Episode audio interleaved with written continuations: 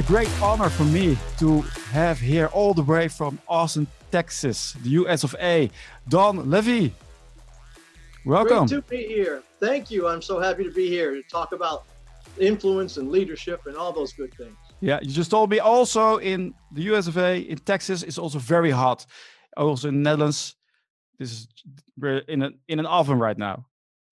So we're kindred spirits. There we go. With, with also something similar. We have the the greatest, I don't know, one of the greatest pandemics ever, except for the one 100 years ago. But right now we're in a big crisis and we're looking to the US of A to lead us. And you're all about leadership. Uh, businesses in the Netherlands are going down, a lot of bankruptcies.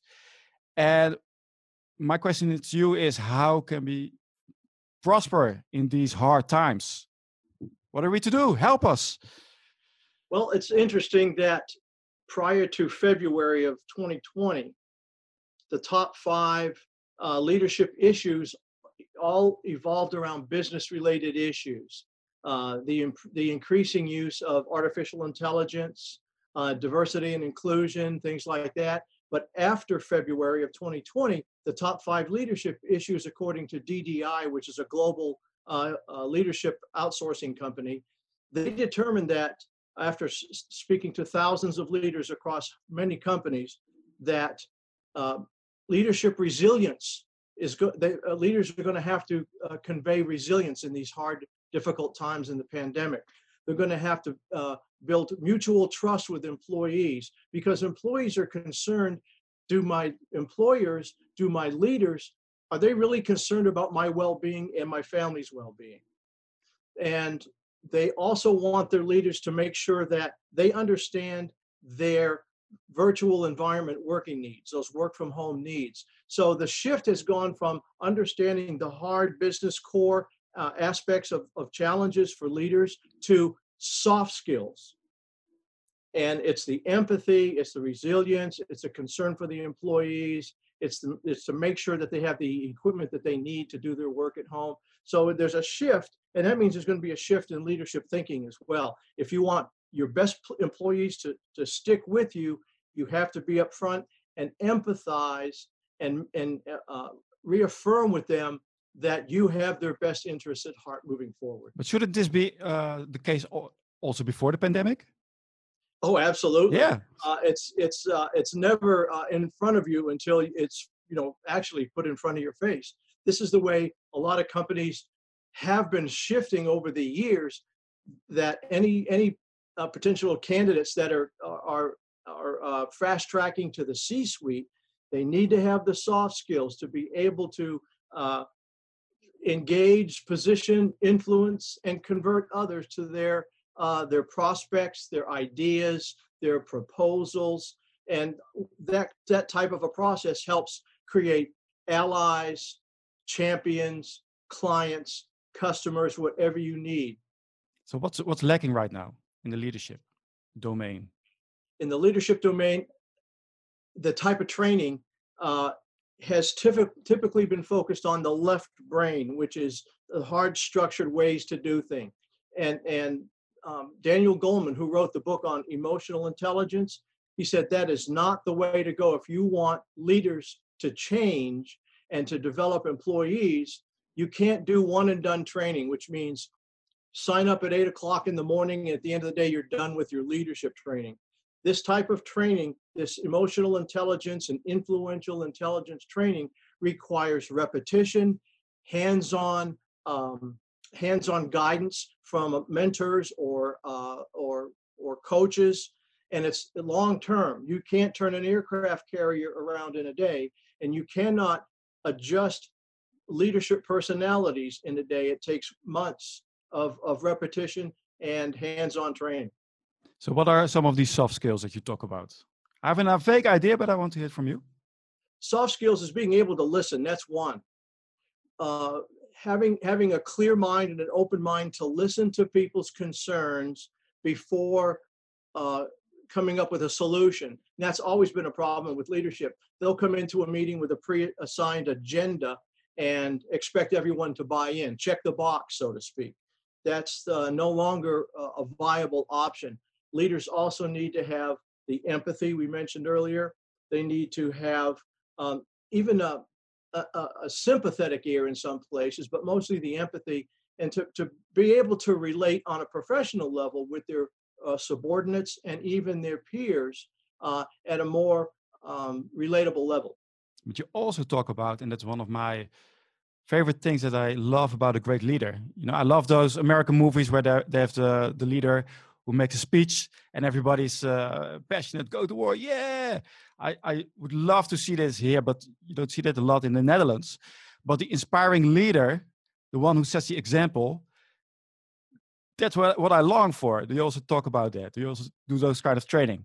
And that's that's a good point, Alex, because when you look at the speeches of Churchill during World War II and FDR during World War II, there was such powerful rhetoric, rhetoric to lead the British people, the American people uh, through those difficult, difficult times. They had to rally around the words of those leaders. And crisis leadership is a lot different than crisis management.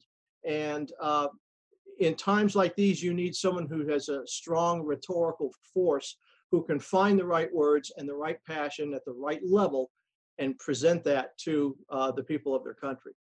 So, wh- why do you think that there that leaders don't do that? Because they also I, watch the same movies that I do. Yes. Am I, am I the yes. only one that gets inspired by uh, the Independence Day speech? Uh, yeah, that was a very good speech. I remember that movie too. Yeah. And and it's it's partly it's partly uh, speech writers. Uh, presidents always have speech writers. Winston. Churchill pretty much wrote his own speeches. So he had a powerful command of the language. He had a powerful command of, of the, the type of emotional rhetoric that'll that'll get people to strive to move forward through the fog, as they say. So I don't know how it's in how is it in America with with, with these kinds of leaders because I I mentioned the American movies. Is this uh, like a false? Uh, uh, does give me a false sense of there is better leadership in America? How is this in normal corporate life? Yeah, I think that uh, it kind of depends on what sliver of the economy or business you're looking for. Politics, you know, it's it, Americans are very cynical about their politicians, and uh, there's an old joke here that says, "How can you tell when a politician is lying?" Well, his lips are moving, and uh, that seems to be true as we get into the election season too. Yes, we, are I'm watching every step of the way, so I'm, I, I, fully am aware what's going on now. These are very exciting times. Yes. So let's get back to the charismatic leader. How do you become a charismatic leader? Because every leader wants the people to to to love them, to listen to them, and that the people are inspired, that they that they act upon what they teach or what they suggest. How do you do that? Everybody's watching them. That's yeah. the key is they yeah. watch them to see if the actions match the words. And the whole idea about charisma or, or powerful leaders with presence is that it's not a suit you put on in the morning and take off at night. It's it is part of who you are, that personality. Uh, take a look at. Uh, I can give you some examples of politicians. Uh, Mitt Romney, when he was running for president, he had the personality of a board. And people didn't gravitate to that because a lot of the uh, ability to, motiv- to motivate and mobilize voters is likability. And, you know, most people, they don't they don't weigh the issues uh, uh, deeply they'll so they'll vote for the person they like the most True. and and i think that's probably a little less so in this coming election however i think people are looking at the issues deeper but it's it's it's uh it's like a presence is like what I call, I, I refer to it as a warm summer breeze.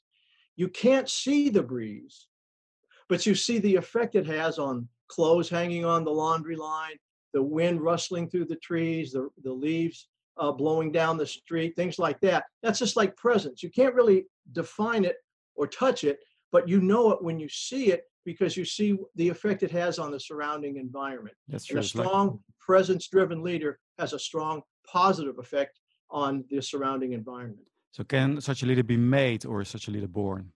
Uh, I think that uh, I'm going to answer and say yes. uh, I think a little bit of both will go a long way. But when I tell people there's a myth about getting hired that says, you know what, we hear this all the time. It's who you know. That's how you get hired. Well, it's who you know who likes you. Because if who you know, if you're still a jerk, doesn't matter who you know. People know you're a jerk, you're not going to get hired. But if it's who you know who likes you, if they like you, that opens doors. So I think part of your personality has to be authentic and true. And uh, people are very good at seeing through inauthenticity in uh, candidates and in leaders and things like that. On a subconscious level, maybe. Yes, yes. Pick up on the discrep- discrepancies. So um, let's talk about, let's see, the, the leadership influence. Uh, you're working on uh, on two great books right now. How do you see the world? How do we how do we keep go forwards with this leadership because I'm trying to find out and I'm uh, I'm trying. So how to become a better leader? Yeah, you know, have to be authentic. But what else? You have to be uh, you have to come across well spoken. Words have to resonate. What else? Uh, I think that uh, a presence driven leader knows how to engage other people and make them feel like the most important people in the room. And with that engagement, you build familiarity, you build trust, and you build likability even before you meet those people. That's one of the hallmarks of one of my programs is uh, engage decision makers on their social media channels. That way they get to know you. They get to get a, uh, a familiarity with who you are and the kind of things that you you you uh, either like or you respond to posts on and it builds a familiarity likability so that when they see your name your image or, or your picture or they'll recognize oh that's the guy who keeps contacting me and responding to my blog or that's the young woman who has always something insightful to say on my linkedin posts yeah. so the more frequently you do that that engagement it it, it closes the the distance gap between you and the other uh, decision maker so you, you frame it in such a way that they already like you before they meet you. Yes, exactly. Without even before they've met you. That leads into positioning.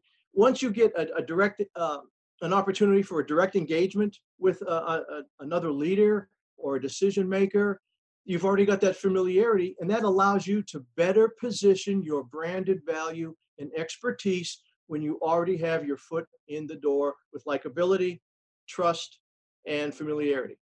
So when you talk about your uh, positioning, uh, your personal branding, are you, are you talking yes. about that? Like you as a person, who you branding. are? Yes. So personal how do you do branding? How do you oh, do that uh, without boasting? You do it like here's how you do that. You do it without boasting by asking, "How can I help you today? What problems can I help you solve today?" You want to come across as a trusted advisor not somebody with uh, their hand out looking for a job or looking for a contract or looking for a proposal to be accepted. It's always the uh, trusted advisor position like, how can I help you today? Tell me what's your most difficult problem and how can I help you? So, how do you come across when you do that that you're not trying, uh, that that's not, you're not in it for something else? Right. You're, because we're all problem solvers we all work for ourselves. That's true. Because it doesn't matter who where your paycheck comes from. If you don't do your job, you don't work. You don't have a job.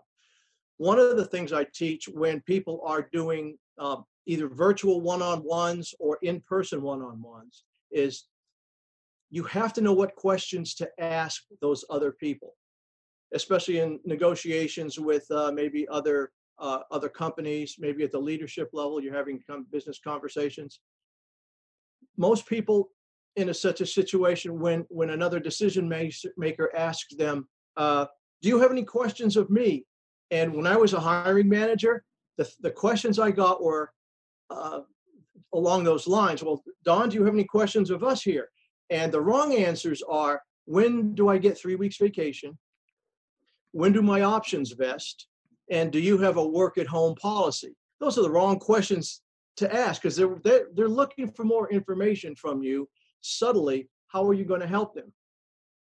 And so one of the questions i learned to uh, early in my career is whenever a, a decision maker would ask me So, do you have any questions of me? And I would ask them, Can you uh, explain to me or, or, or, describe your top priority posi- uh, project you have and how you and I would work together to resolve it? And what I'm doing is I'm placing that decision maker and me in the future working together. I've planted a seed in their mind that I'm, and they're just going off giving me a narrative. But nonetheless, I have planted a seed in their mind that I and that decision maker are working together. Yeah. And how would my best qualities uh, help further along the project? something like that. yeah, and how do you see us yeah. adding more value to that yeah, project? Yeah, maybe at the next phase. And I, lo- I love it. Uh, and if you've really, if you've really um, got a lot of uh, um, cojones, fortitude, yeah, if you've really got a lot of, I don't watch what I'm saying here, a lot of fortitude. Your next question can be, well, I don't have any other questions. Uh, is it too early to find out when we can start? And I've done that before. And sometimes that decision maker will say, well, we're still looking at other candidates. Or if they're impressed enough, they may say, "Well, I don't need to talk to anyone else. How about uh, how about in uh, two weeks, or how about in four weeks, or how about your team come back together and we'll finalize the negotiations? I'm sold." You're talking about also being to, being really bold and being, yeah, uh, being certain. Bold, but you have to know: is it safe for me to take that step as I move forward through my conversations? Of course, that's but that's yeah. uh, the the emotional intelligence that you need to have because you're already yeah, exactly. during the conversation you're already building on the relationship and you're already planting seeds all the way if you want but you have to you can do this with anybody during any Absolutely. conversation during a selling conversation it's not about just selling it's like it's always about planting seeds and let the other people come to the conclusion themselves and yes. it's also so also with the leaderships also with the uh the, the inspiring speeches like you said also was if you uh, take the time to know the people that work for you it doesn't have to be a long time you can have a chat for five minutes and remember and just be very engaging and don't uh, don't stay superficial right and right. you know also use the eye contact and what i also do is just well also with me with the interviewing i love to i'm very inquisitive about people and well my my my weakness is that i always go too far too soon because i like the deep stuff the deep conversations but usually it also makes it that you have a very deep uh, connection very fast. So you're not like just passing by. There's a a, a famous American um, motivational speaker and author. His name was Zig Ziglar, and he had a very famous saying that said, and this is true for leaders everywhere. You know, in the Netherlands, in the Canada, in the U.S., anywhere. People don't know how much you care let's see, no, I got it wrong now. It's people don't know how much you know until they know how much you care. Yeah. So the whole the whole checklist, left brain leadership style, that's that went out in the 1990s. If if there are companies still operating that way, they are are not doing their shareholders and their stockholders value by uh, leadership uh, in that style. I've always been a fan of leadership walk by walking around just get out of your office, walk the halls, talk to people. You, you know, you don't have to go out and have, uh, you know, a beer with them after work. That's a little too familiar from a, a hierarchy structure. But show them that you have a concern, learn something about them, and understand the work they're doing. Uh, and all those little things really help elevate their commitment to the organization. Well, the, the big secret is that if you engage your employees and you give them interest and you make them feel worthwhile, they'll do everything for you. No, not everything, but go that extra mile for you to make you uh, get to an or the company to a higher place. If yeah. you don't do that and you just go, uh, oh, you haven't done that uh, today, or you you need to do it like this. That that's not that's, that's no fun at all. You get a disengagement. But if you just invest a little bit about being in being liked, people will go the extra mile for you. And I think a lot of managers and leaders forget about that crucial part. I totally agree 100%. 100%. I have a funny story about this whole psychology of of language and and and behavior patterns to open doors for you. One time I was a guest of a guest at a client appreciation uh, appreciation event in Las Vegas, Nevada over New Year's and we were out there. There's a, a group of 12 of us.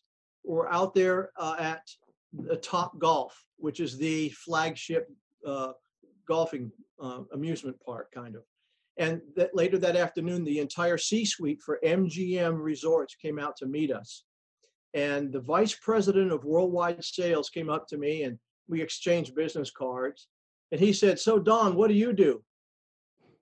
And I said, Oh, here's an opportunity for me to build on a conversation. And I said, Meeting planners and conference coordinators hire me to help them look like superstars. And he, he kind of stopped and looked at me. And guess what his next question was? How do you do that? And then I gave him my value proposition, which was my keynotes and workshops not only push the uh, your ROI for your conference through the roof, but I also push the return on overall event further than you could believe because my programs have 30 day follow up for all your attendees. And the guy put his head back. He goes, he called over the other uh, vice presidents. He goes, guys, come over here. You got to talk to Don. So when they came over, this vice president I was speaking with said, Don, tell them exactly what you told me. and so after I said that uh, to the other vice presidents, I started asking them questions. Have you guys been having trouble with your sales teams? Well, yeah, a little bit. We're, you know, this was about four years ago. He says, yeah, we've had some uh, ups and downs, roller coaster type of sales. And I, so I just asked them a lot of questions. I didn't try to sell them a program. I didn't try to sell them a keynote. I didn't try to sell them a workshop. I came off as a trusted advisor by asking questions of what could I possibly do to help you. And I got a lot of work out of it but I didn't ask for it. They asked, "Can you come out? Can you come out here and train our our sales teams?" I said, "Yeah, I'd be happy to." Two, uh, the very next night, we had dinner at a different resort and casino in Las Vegas. I got seated next to the vice president of sales. So Don, he says, "What is it that you do?" I said, "I my programs help sales uh, professionals just like you improve the the sales team records. And he goes, Well, how do you do that? And I gave him the same answer. It's the same question. It's all about extending a conversation. If I had just said, Well, I'm a professional speaker and I do corporate training, that, that wouldn't have gone anywhere. That would have been boring. conversation. Yeah, exactly. So I always I always think of a, a, a, an opening that will pique their interest to make them ask me, how do you do that? So what do you say to the people who are like, yeah, I don't, I, want, I don't want to uh, come off as being, how do you say that in uh, English, like patting myself on the on the back? Oh yeah, yeah. No, you just you just temper it. Uh, usually, the first sentence is the first statement is something that piques a conversation. I have a friend of mine who I taught this to. He was in one of my seminars, and he was a corporate security person. And one person, uh, he t- he wrote to me and he said, I had a TV reporter ask me what it is that I do, and she and he said, "I keep my clients out of jail." And she goes, "How do you do that?" And then he explained what his job is with corporate security, and uh, it was a hilarious conversation that he had with this reporter. But it got him on TV where he could, uh, you know, speak to his profession and what value he brings to clients and customers. Yeah, and don't don't forget, a lot of people in corporate are very bored because of the same lunches, same speeches, the same. Uh, we got to look at the numbers. Okay, yeah. what uh, the shareholders value? Very boring. So I would think be be the fun part of the day for other people. That's a great way to look at it, Alex. I like that. Be the fun part of the day for somebody else. Yeah. Yeah. So uh, I did used to be this way, but but right, yeah, I I slowly got into it because I realized indeed it's it's all about also having fun so i'm also very fast i'm very familiar because a lot of people they have a sort of a distance between each other. But i like to just act familiar. It's the same way that you saw uh, talked about presence.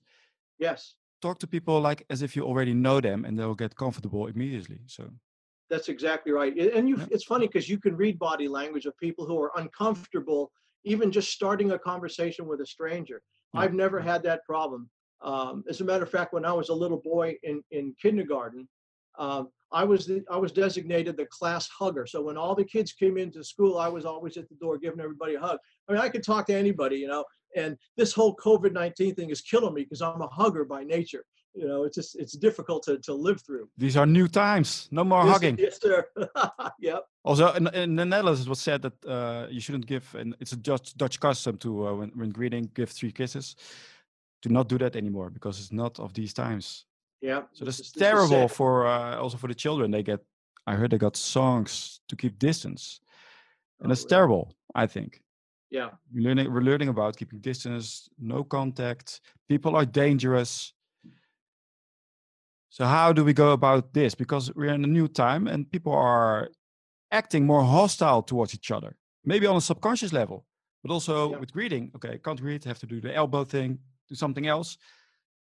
How can we be human? How can we just keep that connection whilst having this really strange defense mechanism also activated? How we how, how do we bypass this? I think realizing that this whole strange pandemic is influencing our emotions and our attitudes to some degree. But at the same time, we have to balance that with we are all going through this at the same time. We're all dealing with the same uh, hardships and difficulties and inconveniences and, and challenges to what's the new normal going to look like. I think we have to learn to balance those and put them in the right perspective. That's difficult because a lot of people are very fearful. I'm very skeptical about all the data that I hear. I like to look at data myself. And also in the Netherlands, we just, uh, the Dutch people uh, just lost a case against the government, whereby the government does not need to show any proof or any data, just have to trust the government. So I'm very skeptical, but a lot of people trust the government, everything, and they're really, really scared. Yeah, I can understand. Um, the uh, and it's also you know how the media portrays data. Yeah. Uh, the one thing that was getting a lot of people frightened in March was that one graphic all the news stations had, the cable news stations, of the map of the world in black and those giant red dots representing you know percent of population. And people who don't understand how to read that data, they Yep. freak out when they see a red dot the size of Europe you know, covering all of, of Europe. They, they don't know how to handle that. So I think the media uh, tends to s- sensationalize the data by the way they portray it graphically. So I know that, but what if I'm I have a team that's scared? And what I notice is that people are very it's very difficult to put people at ease because they say, no, it's all doom and gloom and horrible. There's another lockdown coming. How do you keep the morale high? I think uh, w- one of the things you can do as a leader is show that resilience that it, in, despite the times of, of challenge and reorganization and readjustment, we have, uh, as, as a leader, you have to assume that position and posture of nothing, you know, being bulletproof and Teflon proof so that we will get through this. We have to focus on what's in front of us and what we know, not what we don't know. And a lot of people, unfortunately, have difficult uh, a difficult time differentiating between what we know and what we don't know, and then what's rumor, or what I read on the internet.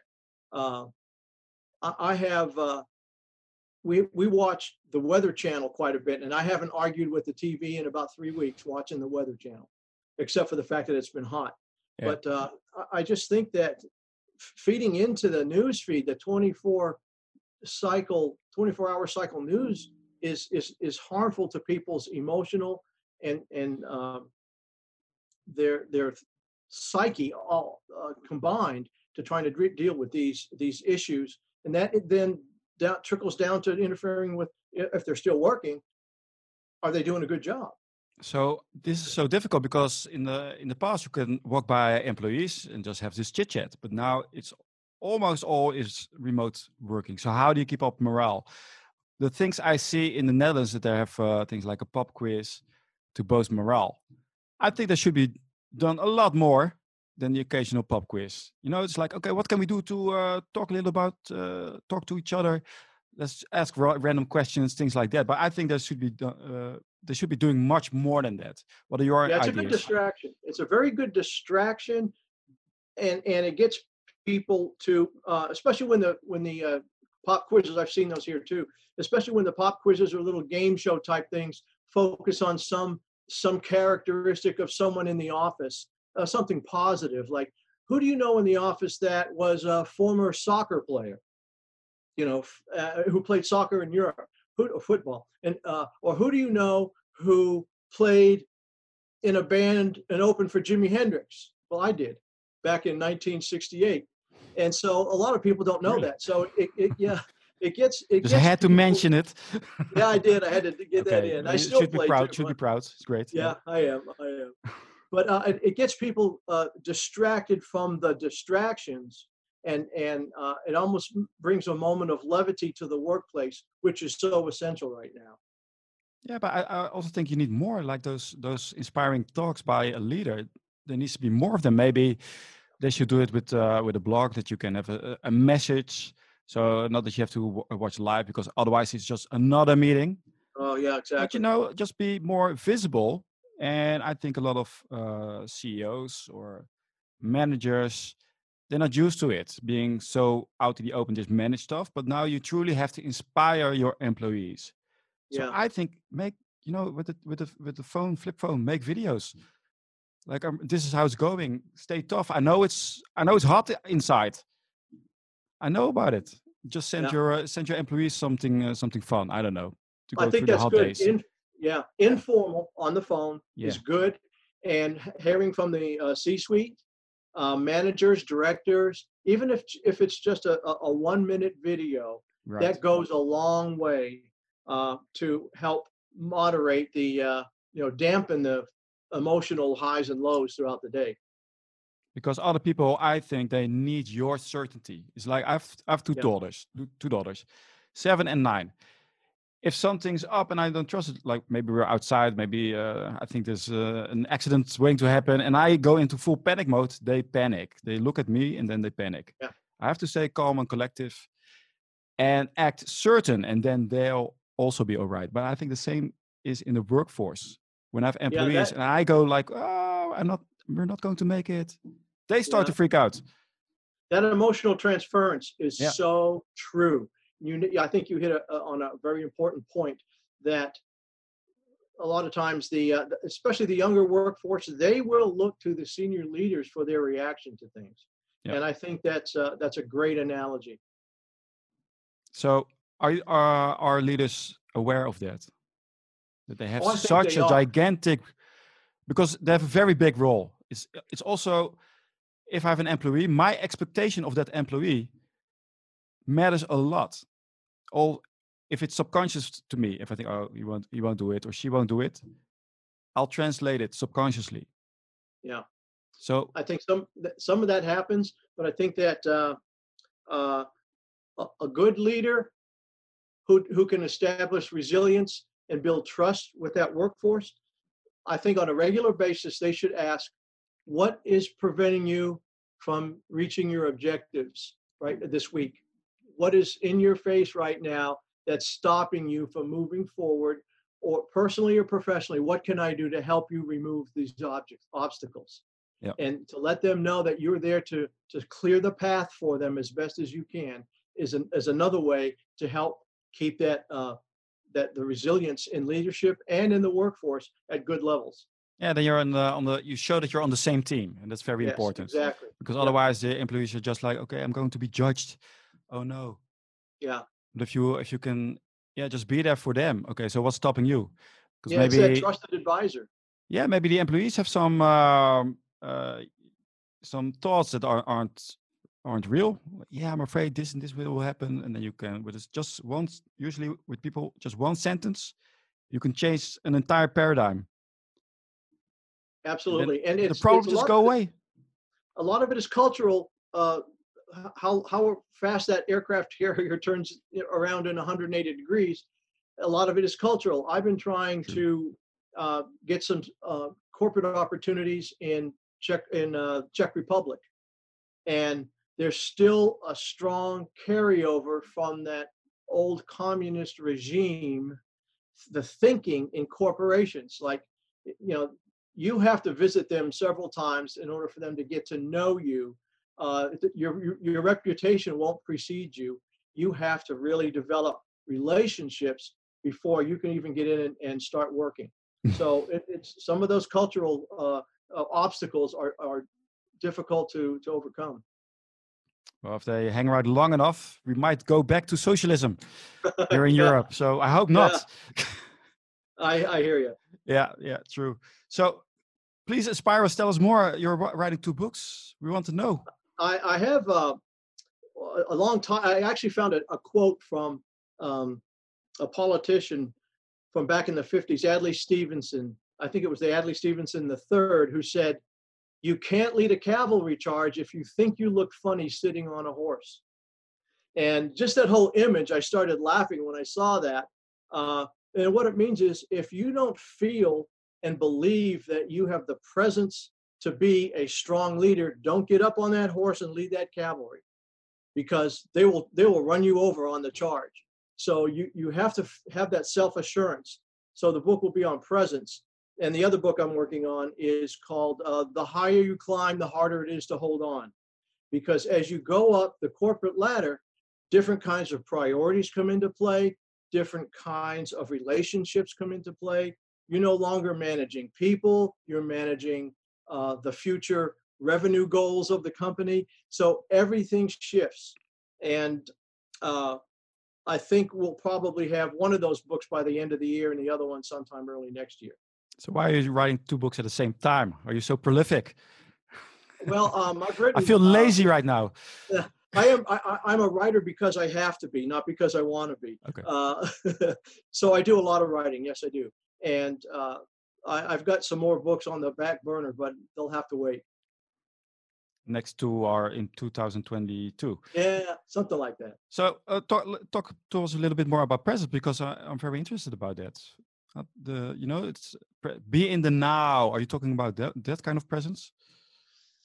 That's part of it. The other part is uh, I've, I've actually asked a number of fortune 100 and fortune 500 leaders i've had relationships with and I, I said let me ask you what's the one thing you look for that that's outstanding in a potential leader.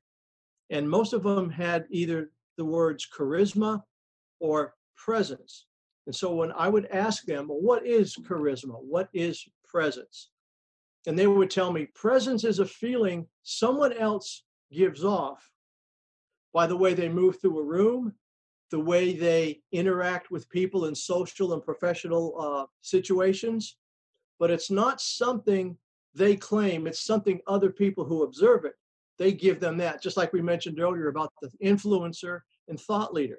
I was I did a seminar once for about 300 uh, execs, and I said, how many people in here consider themselves a thought leader? And one person raised their hand. Yeah, one person.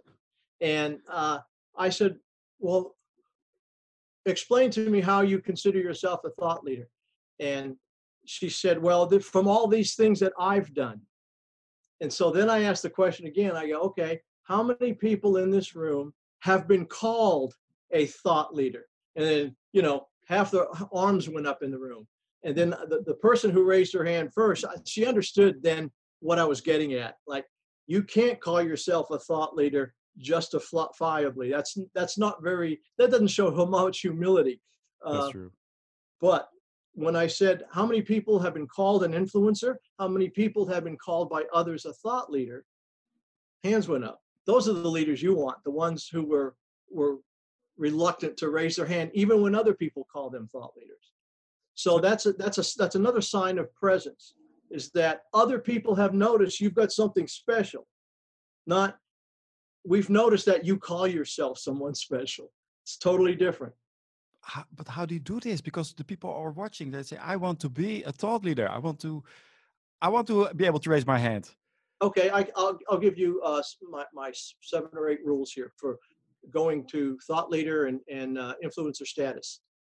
Number one is you have to take a position on an issue that's facing your profession or your industry. You either have to be a proponent for that issue and take it to the next level, or you have to be an antagonist, someone who's against that, and, and run with it the other direction, because that's what creates a tension. If there's something going on in your industry or your profession that you do not like, don't just disagree, get out there and be a vocal opponent of it. And then you'll have people following you and listening to you and reading what you have to write. The other thing is uh, can you capture in a graphic what your big idea is? Can you draw it so that people instantly see what your big idea is? Or do you need a long, lengthy, verbose explanation? Because you'll lose people if that's what it is. If you can draw it, draw it, and people will instantly recognize what your big idea is. Well, uh, let's start at you have to have a big idea. Yeah, you have to have a big idea. And that yeah. big idea might be uh, being a proponent of that issue or oh, yeah. being a pro, uh, an opponent of it. And, and if you can draw it and draw contrast between this is the status quo and why it's wrong, this is where it needs to go, and put it in a graphic, people will understand it and gravitate to you quicker because they process illustrations about five, uh, a thousand times faster than they do all the yes, words. That's true. I should make more drawings. Yeah. Can you quote? Can you uh, create your own quotations? I always tell people thought leaders, uh, thought followers, people who follow the thoughts of other people. Thought followers quote from the interesting lives of others. Thought leaders lead interesting lives that other people quote from. Do you, also, do, you, do you have a do you have a system uh, for me to uh, so I can generate more quotes because I uh, I lack quotes. Yes. I talk a lot, yes. but I forget a, a, lot also. So yes, I, I actually have a, a methodology that I, I, in one of my classes. I have a uh, influencer uh, and uh, thought leader master class. It's a two-day class for uh, senior executives how to get them into that thought leader um, influencer thin air at the top of the uh, the profession. You know, and uh, one of the things that people do is is you take a common quotation and change the words, change the order, envision it with with uh, maybe a different perspective. That's one way, and I actually have a little worksheet that I go through that uh, uh, that takes people through a couple of quotations from original quotations from uh, celebrities or famous people in the past, and then we break it down phrase by phrase, phrase by phrase, and after four or five iterations, they've got their own new quotation just borrow and adjust.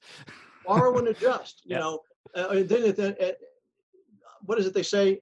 If you're going to steal someone else's work you say as someone once once famous said.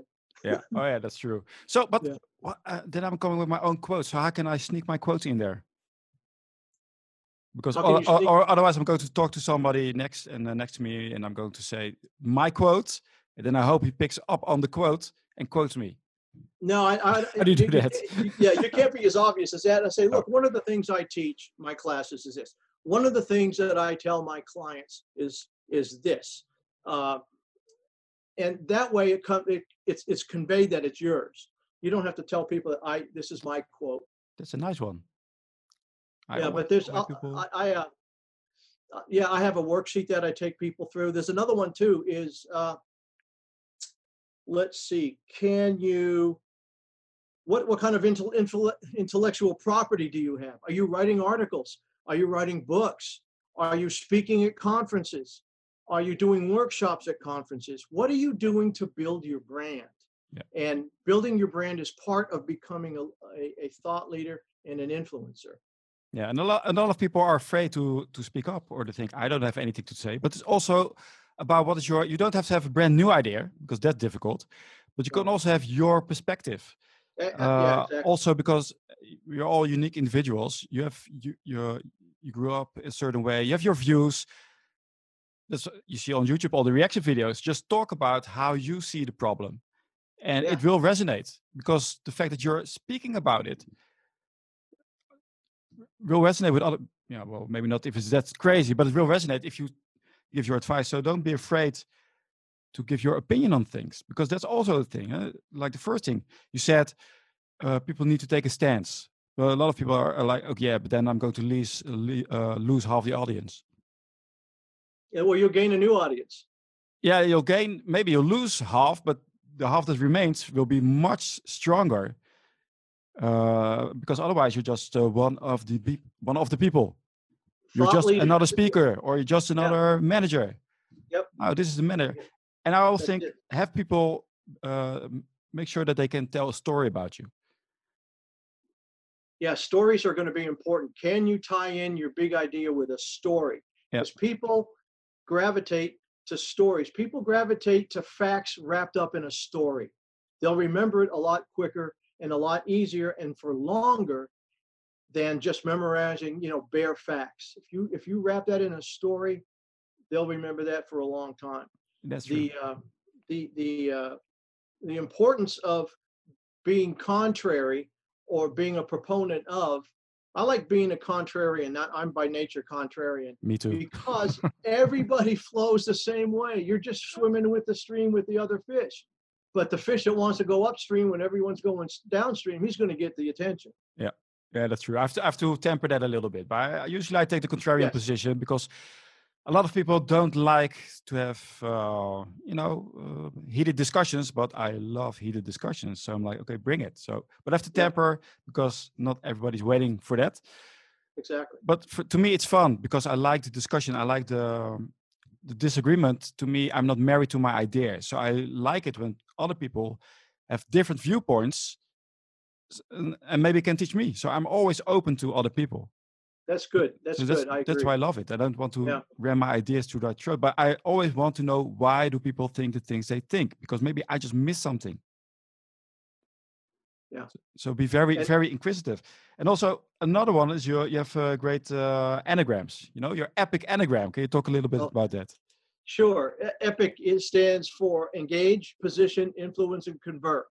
That those are those are highly valued properties of a strong, presence-driven leader.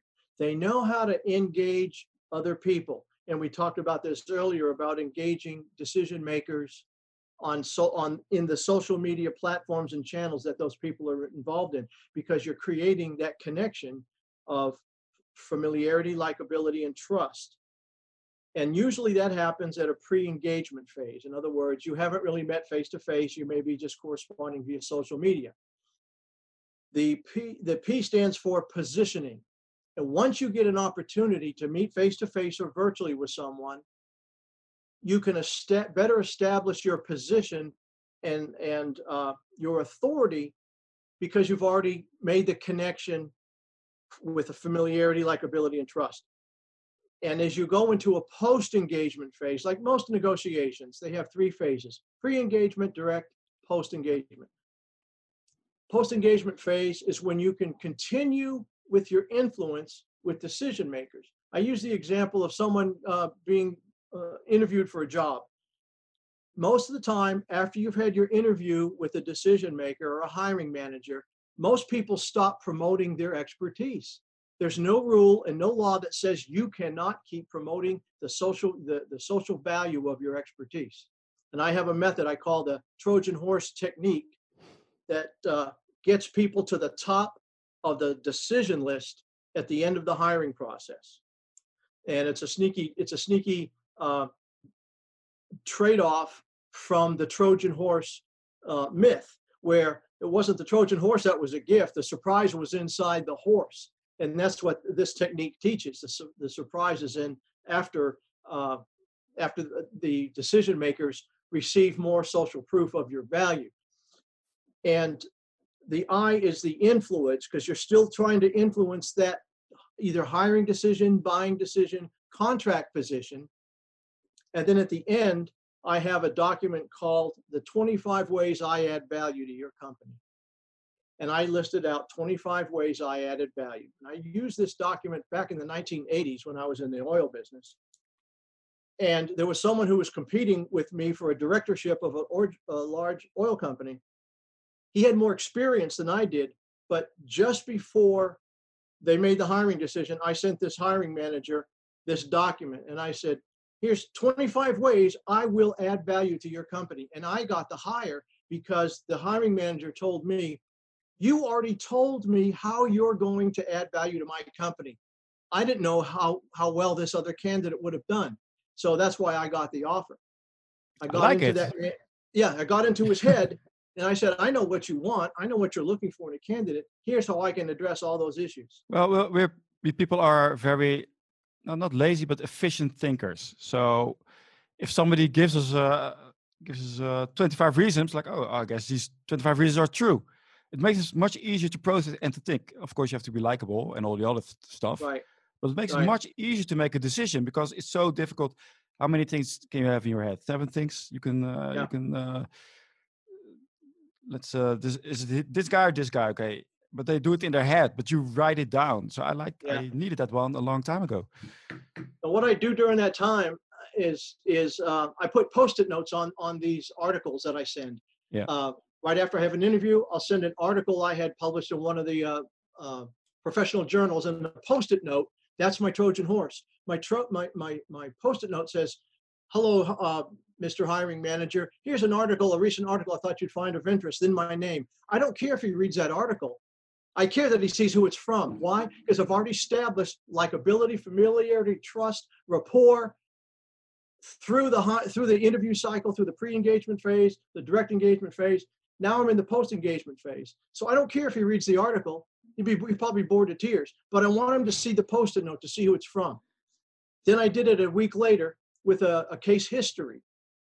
I said, I know you talked about a case history during our interview. Here's one that sounds just similar to the one you had that I just finished with my with my employer. Don't care if he reads it. I want him to see it was from me. Because what I'm doing, I'm building the repetition. Donn LeVie, Donn LeVie, Donn LeVie, Donn LeVie, qualified, qualified, high value, high value. Yeah, you can do this with all. if you're if you're getting hired or you're in the selling process. Do the same thing. Exactly. Exactly. Add It's- value. If in, uh, if it's all the better if it surprises your Yes. clients, right? Yes, exactly. And, it, and that last post-it note on the 25 ways I add value, that last post-it says, Dear hiring manager, I'm ready to get started now. Let's talk. That's a little bold, but who's going to look out for your success if not you? That's true. Which one of these 25 would you like to address first? yeah, exactly. Uh, No, I tell, I'll, I'll tell you the 26 when you hire me. now, there you go. That's yeah. That's the, that's, that's a good one. So, when do we convert? The C, or uh, did I go too far? Let's see. In your epic, Oh, the- oh, yeah. Uh, C, sorry. Epic. Engage position, influence, Yeah. and you do that influence that with with those documents Yeah. that I, I outline in my books. My other, my Confessions of a Hiring Manager, 2.0, and in Strategic Career Engagement. All those out, they're all outlined there. And the next thing that uh, I would do is on the convert. That's where I give them that document. Let's talk now. Here's the 25 ways. That's the that's the document that puts them over the top and says, yes, I'm ready to buy. I'm ready to hire. I'm ready to contract. so people are much too laid back during the hiring process or the selling process. Yeah, they do. They late, they wait back and they wait for the phone to ring or Yeah. they wait for the email. And it's like, that's fine. You guys do that. I'm going to keep promoting my branded value and expertise, my influencer, my thought leadership, so that I get the nod, just like Dorothy and the stick scarecrow and the cowardly lion and the tin man. Yeah. I'm helping them get something they want better than anyone else. Well, you talked about that, uh, but I, I couldn't remember that because uh, I, I watched it when I was a child. So could you explain it a little bit about what happened? We all know the story. Oh, for the uh, Wizard of Oz? The Wizard of Oz, yeah. Or maybe the Well- Jackson edition Yeah, the uh, with Dorothy and the and the scarecrow. Dorothy was hit in the head from a tornado, um, storm damage from a tornado, so she was unconscious. And this movie was a, about her dream, where some of the farm workers on her aunt and uncle's farm showed up in the dream as these weird characters: the cowardly lion, the scarecrow, and the Tin Man. And she has a nemesis in, in her dream, who was also one of the, the her neighbors, who was trying to get her dog uh, take her dog away from her. But in this dream, that, that neighbor turns out to be the Wicked Witch of the West. And Dorothy ends up in this imaginary land, the wizard, of, the land of Oz. And she's at the front door of the gates to the Emerald City, and they want to get in to see the wizard because they heard the wizard could help them get back home. Of course, this is all in her dream. And the gatekeeper said, No one gets in to see the wizard, nobody but know how. And then he recognized she had the ruby slippers, which were something that the wizard valued because the gatekeeper, you can see the parallels in business here, I think. because the gatekeeper recognized Dorothy had something of value that the wizard wanted, he let them in. Now, the wizard wouldn't grant their wishes until they could guarantee that they could get the, the broomstick of the Wicked Witch of the West. So they went through all kinds of tribulations and trials and, and ordeals, but eventually they got her broomstick. And, and uh, the question I ask in my programs is, why did the wizard grant them their wishes?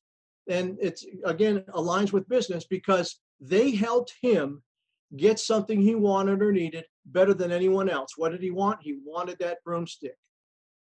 And therefore they got it for him and that's how that's why he granted their wishes. You do that with a, a decision maker, you help them get what they want better than anyone else, your wishes will be granted. Yeah, and I think this is a powerful message also in this corona crisis. Don't get scared and see what other people can do for you or how they can help you, but reach out and help each other. It's Look how all you're yeah. what you can do for the other people. So how can people reach you? So they can the, send me yeah they can go to my website. It's do it's don levie junior strategies but it's d-o-n-n l-e-v-i-e j-r strategies.com it's for the people listening can, but of course i'll supply the links because it's also okay. a webinar that they can uh, go to and they can also uh, learn more about you and also about your speaking engagement. Maybe also through zoom or something else because right now we are in the yeah the crisis. Yeah. But yes a, i know. yeah it's a fun way and otherwise we can read your books. They're coming out uh, you already have a couple of books but the new ones are coming out in 2021 yeah. yep. Confessions of a hiring manager uh, came out in 2012 and the Strategic Career Engagement came out in 2016. Both were uh, award winners for the International Book Award for Business. Nice. And the Global eBook Award, gold medal winner and silver medal winner. You can be proud of that one.